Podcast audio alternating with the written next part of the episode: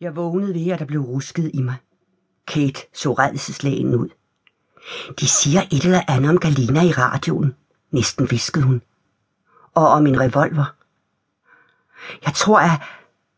Nej, jeg kunne ikke rigtig forstå det. Jeg stod op og gik ud i vores lille køkken, hvor Kate havde lyttet til stationen Echo Moskvy. Moskvas Echo. Landets bedste nyheds- og debatradio, mens hun lavede morgenmad. Det var lørdag, og en usædvanlig lys og frostklar morgen for en novemberdag i Moskva. Jeg var ikke spor urolig. Kates frygt smittede mig ikke. Det hun havde hørt, eller hvad der med hendes noget begrænsede beherskelse af russisk nok var mere sandsynligt, havde misforstået, var i bedste fald indledningen til endnu en god historie. Som journalist ved i Toki, Ruslands førende nyhedsmagasin, opfattede jeg gode historier som mit domæne. Og der var masser af gode historier i de år. I et land, der var i færd med at genopfinde sig selv, var hver eneste by, hver eneste familie og hver eneste institution på den ene eller den anden måde uudforsket territorium. Året var 1998. Siden begyndelsen af 1990'erne havde praktisk taget alle mine artikler været historier, der ikke var blevet fortalt før. Jeg tilbragte næsten halvdelen af min tid væk fra Moskva.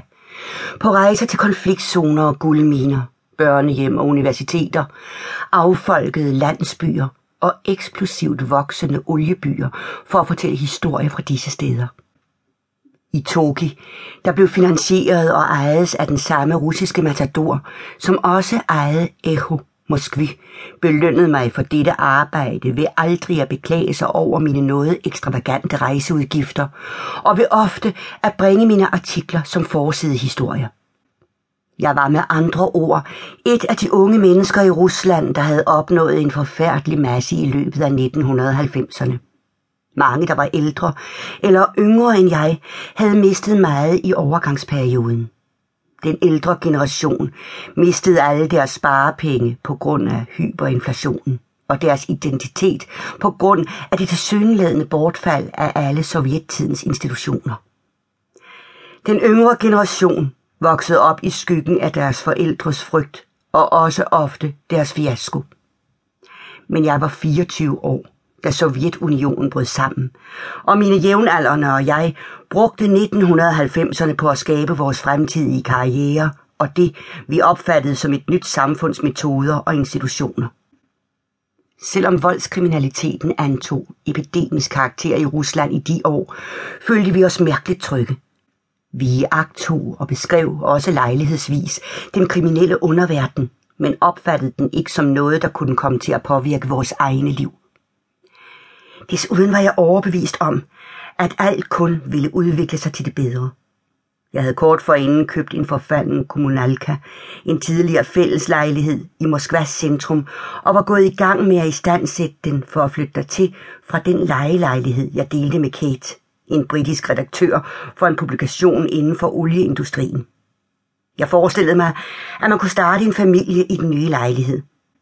Og netop den lørdag havde jeg en aftale med en håndværker om at tage ud for at købe badeværelsesinstallationer. Kate slog ud med armen mod ghettoblasteren, som om den var en giftspreder, og så spørgende på mig. Nyhedsoplæseren blev ved med at gentage Galina Starovojtovas navn igen og igen.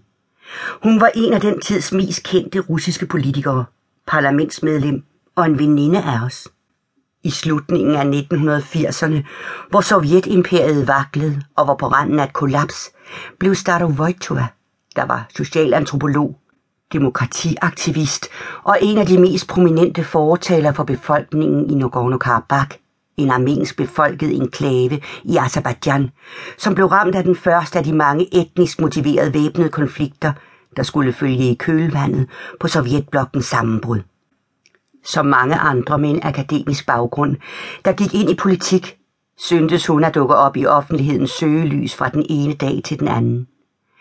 Selvom hun havde boet i Leningrad siden sin tidligste barndom, gjorde det armenske folk hende til deres kandidat ved det første delvis frie, demokratiske valg til Sovjetunionens øverste sovjet.